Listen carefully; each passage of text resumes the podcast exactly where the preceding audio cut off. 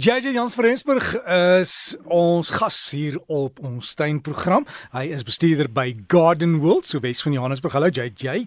Môre môre dit, môre aan die luisteraars daar buite. Ja, JJ, ek het nou nou toe ons met die omgewingspraatjie uh, gesels het, het die professor vir my gesê dat hulle het nou 'n klein springbok lammetjie. En wat eet die diere? Kan 'n mens vir hulle plante plant?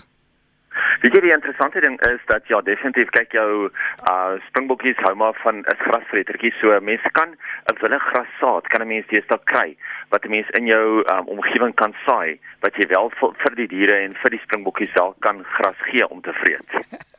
Ek sal laat weet daar is saad beskikbaar want dit kan nog 'n probleem in 'n huis wees stel jy voor jy het 'n klein springbokkie daar in jou huis JJ. Nee, ek dit sal baie lekker wees. Ek dink net my erf is te klein want ek weet volgens wet dink ek moet jy 5 hektaar hê per springbokkie. So Ja, nee, moet jy net seker maar die die nodige papierwerk ook later kry net. Ja, nee, definitief. JJ, ons het vroeër gesels oor die gebruik van water weet uit die uit die wasmasjien en daai goed vir jou tuin en ek weet jy het goed om by te las mens kry ook 'n seepbos of skuimbos wat noem hulle hom Ja nee, jy, jy kry 'n seepbos, ehm um, en dit is eintlik 'n bos wat hulle jare gelede gebruik het om seep mee te maak, wat die hmm. boere gebruik het om die seep mee te maak. So hulle het hom gekook en dan soos hierdie takke dan nou of soos die blare nou in die water geweek het, kon hulle die blare uitgehaal het en dan was die dan die seep basies agtergebly. En dit is ook waarvan hulle die ou boere seep gemaak het. Wat jy baie sterk seep gewees het, was 'n natuurlike seep. Uh dis as 'n seep is baie sterker as wat daai was, maar hy het nog steeds die ding gedoen. Jy weet, dit was die beste wat beskikbaar was. So hy het nog steeds steeds die ding gedoen. Koning gaan oor watter tipe plante kan 'n mens of watter of watter water kan 'n mens in die tuin gebruik. En hmm. natuurlik hoe ehm um, meer omgewingsvriendelik die seep is wat 'n mens gebruik, hoe makliker kan 'n mens die water in die tuin gebruik. Nou die as 'n mens wel daai grijswater in die tuin gebruik, moet 'n mens onthou om dit te probeer om dit ook af te wissel deur die tuin. Moet dit nie net op een plek gooi nie want so as 'n mens dit die hele tyd op een plek gooi, gaan jy ongelukkig daai grond so arm maak en gaan jy so dik seeplaag eintlik op die grond lê dat hy uh, die mikrobes heeltemal gaan doodmaak. So as mense dit deur die tuin kan versprei, gaan dit natuurlik baie beter wees. En wat mense ook kan doen is elke nou en dan kan jy net daai grond effens losbreek net om seker te maak dat daai seep nie selfs aanpak en dik word nie. Hulle sê altyd mense moet probeer om nooit seepwater meer as een keer elke 2 weke op 'n spesifieke plek in die tuin te gooi nie. Nou watse tipe seepwater kan 'n mens gebruik? Jy kan jou wasgeseep kan jy gebruik. Uh jy kan enige bad of stort seepwater kan jy gebruik, maar 'n mens kan nie eintlik skottelgoed seepwater gebruik nie of van jou skoolgoedwasser nie. Dit is net te sterk. Onthou daai tipe van seepe is so sterk dat dit brand eintlik al die mikrobes in die grond dood en dit doen meer skade as wat dit eintlik goed doen. So enige skottelgoedseep Nee, maar as dit wasgeseep is, glad nie 'n probleem nie. JJ ook vrae gehad oor 'n uh, avokado boom wat nie wil dra nie. Hy blom nie eers nie. Wat kan die probleem wees? Ja, Dirk, ja, avokado boom sal eers dra as hy volwasse is en natuurlik as dit 'n geënte boom is, vat dit so tussen 5 en 7 jaar.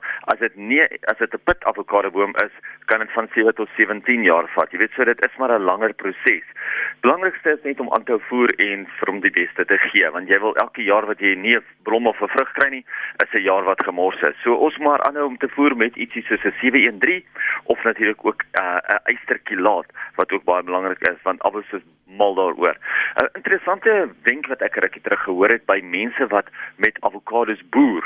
Hulle het vir my gesê sodra die avokados begin blom, dan maak hulle eintlik sproeie, besproeiing wat hulle bo in die bome vasgemaak het, maak hulle oop 2-3 keer 'n dag laat hy net 'n baie meer uh vogtige omgewing gee en dan is bestuiving soveel beter. So as jy wel 'n avokado of 'n tropiese plant het wat blom, probeer om die eintlike plant so nou en dan ook 'n bietjie nat te spuit sodat jy dit 'n meer uh vogtige omgewing kan gee wat dan die bestuiving baie beter maak.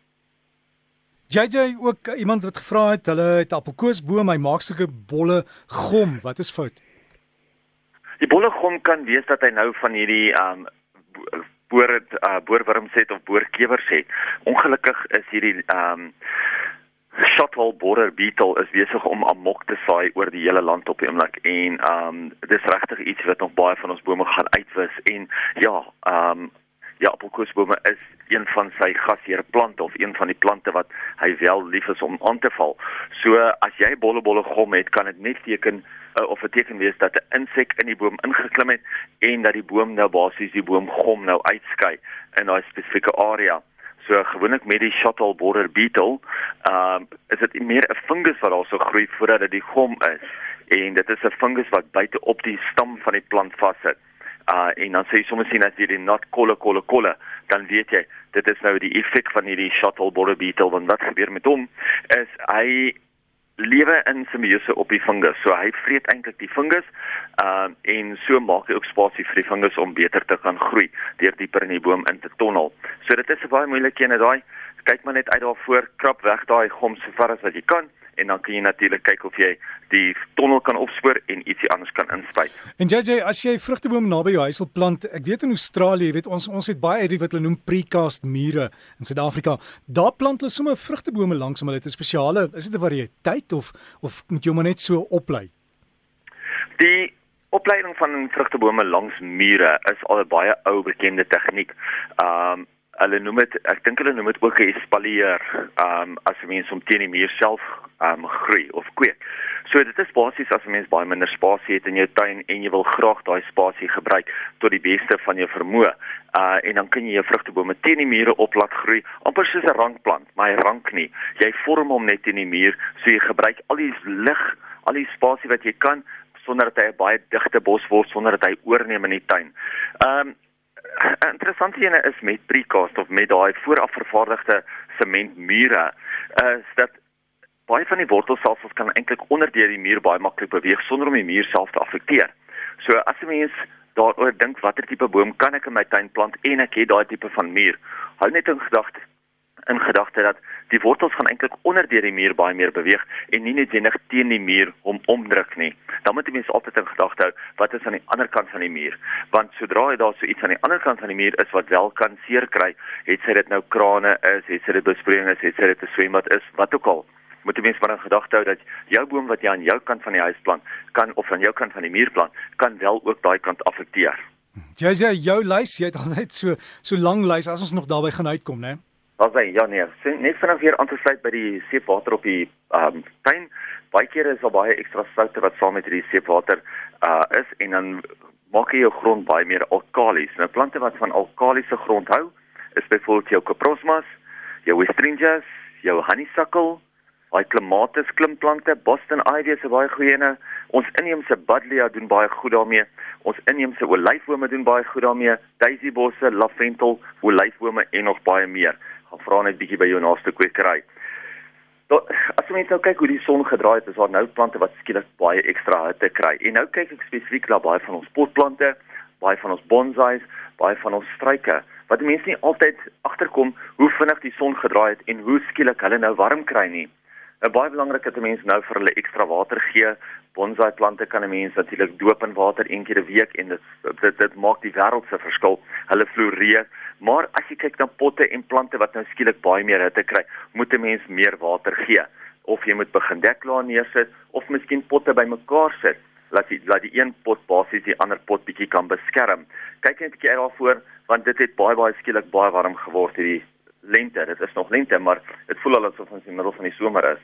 Dahlia bolle is nou op die rakke, so onthou as jy daar vir die dahlia liefhebbers daar buite, maak seker dat jy nou jou dahlia bolle kry en maak seker dat jy ook die dahlia bolle kry wat die ehm um, bolle self nog baie vars is en sterk is en geanker is aan die hoofplant. Onthou, as jy 'n dahlia bol kry, is gewoonlik net een of twee in 'n pakkie, maar jy sal sien hy het so 'n klomp arms en elke arm moet nog steeds geanker word, geanker wees aan die moederplant, anders gaan hy nie ehm um, groei nie en anders gaan hy nie floreer nie. Onthou, dit is al die stoormeganismes of die stoororgane van die plant wat die plant self gaan voeding gee. As jy wel dahlia plant, onthou dit gaan so plus minus 10 tot 12 weke vat voordat daai dahlia wel gaan opkom en gaan begin floreer. Laaste enetjie is ons plant van die week want ek dink ons hardloop by tyd uit hierso. Plant Hallo JJ nadat ons eintlik vergeet om te plant in die tuin is 'n ongelooflike goeie filler. JJ, skus ek begin net gou daar weer met die plant van die week. Ons het jou sein daar verloor vir 'n sekonde. Al van ja, die plant van die week is Hysteria smyn. Ons almal ken Hysteria smyn. Hoe gehard hy is, hoe maklik hy groei en natuurlik hy kan as 'n ranker, 'n grondbedekker of 'n struik gegroei word. Hy is immer groen, hy is baie gehard en hy blom natuurlik baie lekker geurende blomme.